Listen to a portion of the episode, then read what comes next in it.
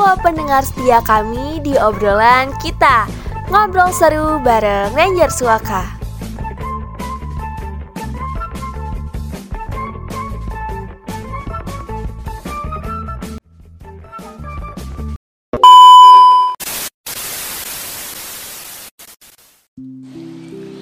Halo listener, selamat datang kembali di podcast Suaka obrolan kita. Ngobrol seru bareng Ranger Suaka Episode ketiga ini ada aku, Anita Yang bakal nemenin waktu luang kamu dengan cerita dan informasi seputar mahasiswa Serta topik-topik menarik lainnya.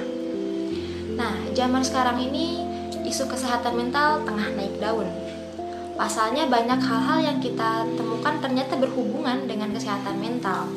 Mungkin di sini listener pernah menonton ya film Joker atau mendengar lagu-lagu Kunto Aji nih misalnya di album Mantra Mantra atau pernah dengar lagu Melukis Senja dari Budi Doremi atau sekarang lagu yang paling ini ada lagunya Runtuh dari Feby Putri dan Fer Sarsari nah film dan musik ini itu mengangkat tentang mental health awareness karena di sini kesehatan mental ini begitu melekat gitu pada kehidupan kita.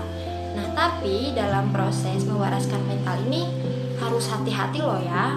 Karena bisa jadi karena kita ini terlalu aware, mungkin jadi kita bertanya-tanya gitu kan. Loh, apa apa aku ini stres ya gitu. Apa yang aku alami ini depresi ya atau kayak misal loh kok film ini menggambarkan aku banget ya. Nah, hati-hati loh karena keawareness itu bisa menyebabkan self diagnosis. Nah, yang tadi itu salah satu contohnya ya listeners. Nah, di zaman serba digital ini untuk melakukan analisis terhadap diri sendiri itu meningkat.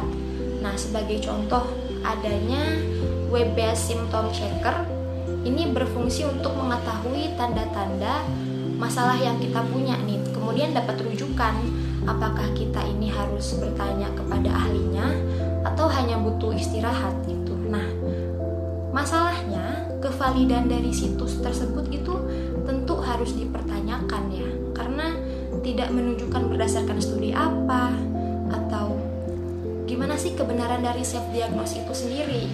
Nah, itu ya teman-teman. Terus kan sekarang lagi rame banget kan di media sosial kalau banyak nih orang-orang yang menyatakan bahwa aduh gue depresi nih kerjaan nggak kelar-kelar gitu atau atau kayak kalau gue di motor tuh suka ngomong sendiri nih jangan-jangan ini halusinasi atau mungkin ada banyak nih orang-orang yang kayak aduh gue bipolar deh kayaknya. Soalnya mood gue gampang banget naik turun. Nah tapi kan pada kenyataannya mendiagnosis diri sendiri itu tidak mudah gitu. Kayak menyatakan bahwa diri sendiri itu apakah ini depresi atau bipolar dan lain sebagainya. Nah, apa yang dirasakan oleh individu itu bisa jadi hanya salah satu indikasi dari masalah gangguan psikologis, tapi bukan menjadi satu-satunya indikasi. Nah, hal ini tuh perlu didukung oleh data yang lain. Misalnya, kalau di Indonesia ada PPDGJ ya atau Pedoman Penggolongan dan Diagnosis Gangguan Jiwa, ada juga DSM, Diagnosis Statistik Manual. Nah, Selain PPDGJ dan DSM, untuk menjawab pernyataan, maksud saya pertanyaan-pertanyaan itu sudah hadir bersama kami.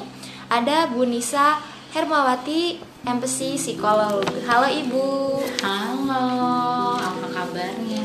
Baik Bu, Ibu apa kabar? Alhamdulillahirrahmanirrahim. Oke, mungkin uh, perkenalan dulu ya Bu, dan teman-teman bisa bisa mengenal Ibu itu sebagai apa gitu. Saya ketua unit layanan psikologi. Oh, saya juga dosen fakultas psikologi. Gitu ya. Jadi saya mengajar hmm, terutama di bidang klinis. Kemudian kesehatan mental dan juga psikologi agama. Nah, mungkin itu aja ya perkenalannya ya. Oke. Nah, eh, langsung saja ya Bu ya ke pertanyaan yang pertama ini. Tadi sudah saya sampaikan pengantarnya gitu. Nah sebenarnya apa sih hal yang membuat zaman sekarang itu orang-orang jadi lebih aware dengan kesehatan mental? Oke, eh, sekarang ini memang eh, masyarakat ya sudah mulai aware dengan kesehatan mental.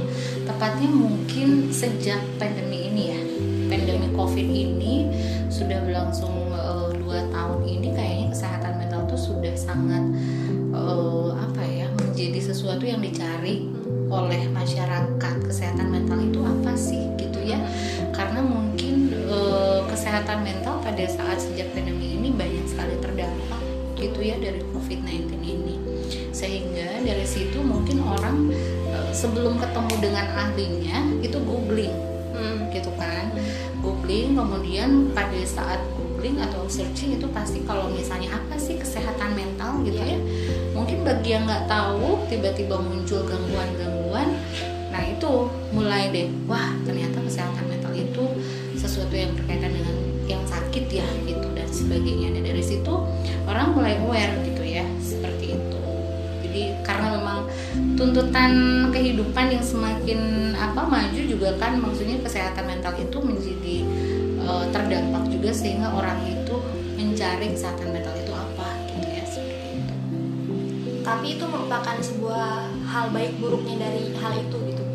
Mm, makanya eh, itu sebetulnya baik gitu ya untuk mencari tapi yang tidak baik itu kalau misalnya nanti terjadi sebuah judgement Hmm. terhadap diri gitu karena kan ilmu psikologi itu mungkin ada sebagian yang dari umum tidak paham Iya. ya kan isi kesehatan mental itu bermacam-macam gitu bahkan kalau misalnya di, di searching Iya. di googling itu pasti seret keluar itu gangguan-gangguan gitu, dari mulai yang mungkin eh, ringan sampai berat Biasanya sih kalau yang keluar tuh kalau di kesehatan mental di googling tuh langsung kayak depresi yang umum-umum sih. Bu. Ah, iya betul langsung betul. gangguan. Hmm, hmm, benar gangguan kan itu bisa langsung membuat orang itu pas sekalinya ngelihat down oh aku depresi gitu ya seperti itu simptom-simptomnya dicocok-cocokin. ah ya, benar iya benar dicocok-cocokin nah itu bahaya gitu ya Nah, tapi wajar nggak sih bu kalau misalnya kita baca informasi terus kita screening diri kita sendiri gitu Hmm. terkait mencocokkan si gangguan atau simptom sama diri sendiri itu wajar nggak? Bu? Mm-mm.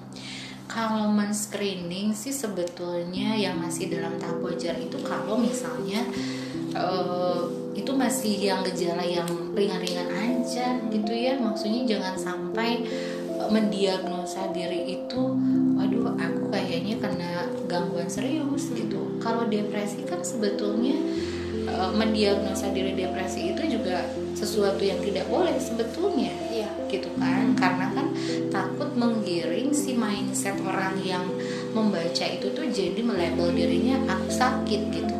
Padahal mungkin itu cuman bad mood misalnya. Ya. ya kan? Tapi karena dia tergiring dengan opini uh, menggoogling oh ternyata saya nyocok nyocokin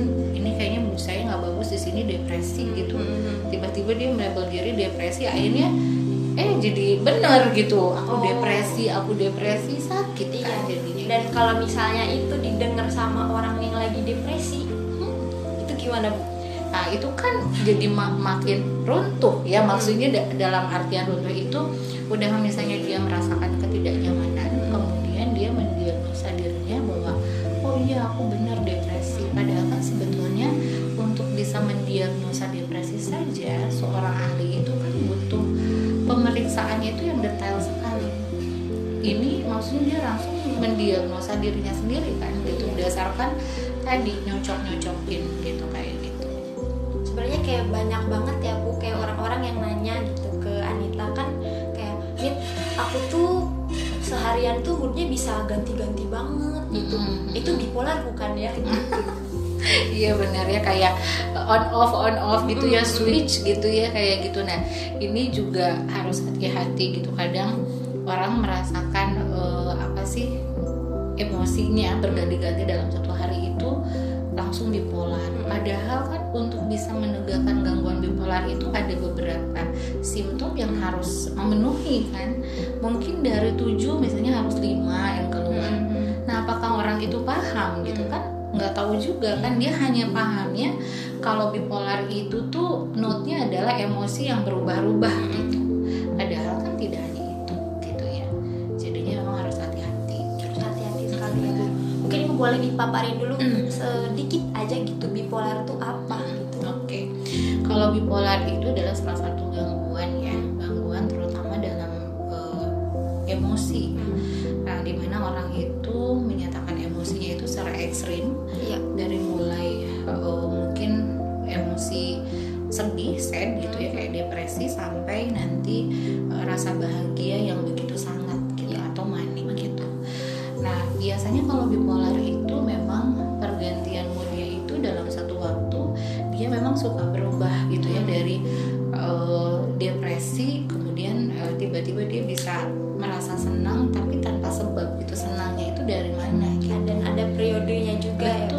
Bu, ada fasenya. betul. Nah itu tuh harus harus dikasih tahu itu sudah berapa lama Mm. gitu kan. Nah, jadi bukan hanya masalah eh, mood swingnya aja. Mm-mm. Kan kalau yang mau eh, menstruasi gitu ya, Iya. pada perempuan pasti kan seminggu sebelum juga suka mood swing Iya, ya. iya. Benar nggak? Juga Tiba-tiba gitu. sedih kan? Tiba-tiba Nah, kayak gitu. lemes gitu kan. Ah, malas ngapa-ngapain. Iya. Nah, itu harus hati-hati karena kan satu periodenya harus jelas, Mm. kemudian kedua simptom pendukung lainnya apa, Hmm. gitu kan, kayak gitu. Mungkin itu yang harus di diwanti-wanti gitu ya seperti itu. Oke oke itu berarti bipolar ya teman-teman. Mm-mm, itu baru secara umum ya. Iya itu juga baru aduh Iya baru secuil gitu ya. secuil, iya benar, iya. Nah bu kalau tadi screening tuh kan wajar-wajar aja ya bu. Nah kalau misalnya sekarang perbedaan screening sama self diagnosis itu sendiri. Sebetulnya kalau screening itu kan eh, itu kayak semacam bukan nyocok-nyocokin ya, tapi melihat dengan jelas gitu kan hal-hal yang mungkin terjadi di dalam diri gitu, tapi itu sangat sesuai dengan apa yang dia tampilkan tingkah lakunya itu apa aja gitu ya, simptomnya kalau screening itu ada aturan-aturannya gitu apa yang harus dipenuhi gitu ya. Kayak misalnya kamu mau masuk perguruan tinggi psikologi itu kan pasti ada screeningnya benar nggak? Screening dalam artian apakah kamu cocok nih masuk psikologi. Nah itu kan dilihat aspek-aspeknya gitu kan. Tapi kalau self diagnosis itu dia lebih kepada nyocok-nyocokin tan- tapi tanpa adanya standar yang bagus gitu. Jadi dia kayak ah ini saya kayaknya eh, emosinya selalu negatif iya bener nih cocok cocok jadi maksain gitu Hmm, maksain. maksain gitu kan jadinya ini kayaknya cocok deh sama aku gitu itu kan self diagnosis ya gitu Berarti waduh kalau self diagnosis tuh parah banget ya bu ya. iya betul bahaya akibatnya bahaya gitu karena ya tadi eh, pernah ada kasus Oh kan? iya bu? Hmm. Jadi ada kasus salah satu mahasiswa lah di fakultas di UIN gitu Hmm. yang konsultasi dia merasa kalau dia itu split personality. Oke oke. Setelah saya lihat dari eh, gejalanya, kok sepertinya tidak ada riak-riak atau tanda-tanda dia split personality gitu karena setelah saya cek simptomnya tidak memenuhi semua gitu kan Waduh. gitu saya bingung ini apa ya saya uh, mundur gitu ke belakang pada saat dia saya SMA saya tanya gitu kamu dulu pernah ini nggak? Gitu maksudnya baca-baca tentang masalah psikologi gitu ya. Terus dia bilang oh iya bu saya dulu itu SMA itu udah seneng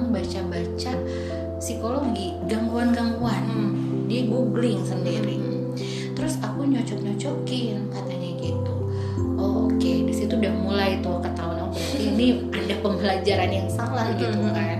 Ternyata dia mencocok-cocokkan pada saat itu dia ngerasa di dalam dirinya itu seperti ada yang bicara dua orang. Padahal ketika saya lihat itu tuh kayak semacam self talk. Kita kan punya self talk ya. Hmm. ada yang positif ada yang negatif. Hmm. kadang misalnya kalau misalnya kita jatuh di depan banyak orang malu nih harga diri aku gimana nih gitu ya tapi self talk yang lainnya tuh ngomong kan udahlah nggak apa-apa nanti juga kamu nggak bakalan ketemu lagi kok Hmm. orang nggak akan ketemu lagi gitu udah udah bangkit aja nah itu kan sebetulnya self talk kan Iya. tujuannya kan sebetulnya agar mental kita tuh bisa mengambil keputusan mana yang tepat untuk kita tapi jatuhnya sama orang yang tadi ya searching searching begitulah Mm-mm. jadinya dia mendiagnosa dirinya itu kepribadian ganda Hmm. tapi setelah saya jelaskan akhirnya dia senyum. Ternyata oh ternyata saya nggak nggak sakit ya enggak lah gitu. Waduh, waduh. itu kan waduh. parah ya? Parah. parah karena kelihatan banget sebelum dia ketemu dan konsultasi itu dia tuh yang murung gitu. Karena dia mungkin sudah merasa dirinya gangguan. Tapi ketika dijelaskan dia dia ketawa-ketawa. Waduh, jadi dia baru baru tahu kalau dia tuh fine fine aja waduh nih kok bisa gitu. Jadi kayak mikirnya tuh gitu, kok bisa ini kayak gitu gitu ada dua atau Mm. ada temennya, ada gimana gitu. Mm-mm-mm. karena itu tadi harus kita harus tahu etiologinya penyebab yang menjadikan dia split Mm-mm. kepribadiannya itu apa gitu dan itu tidak bisa hanya dilihat dari self diagnosis Iya, gitu betul. Bahkan psikolog juga pasti pada saat menetapkan sebuah diagnosa itu akan ada rentetan eh, tahapan yang harus dilalui kan ada intake data dan lain sebagainya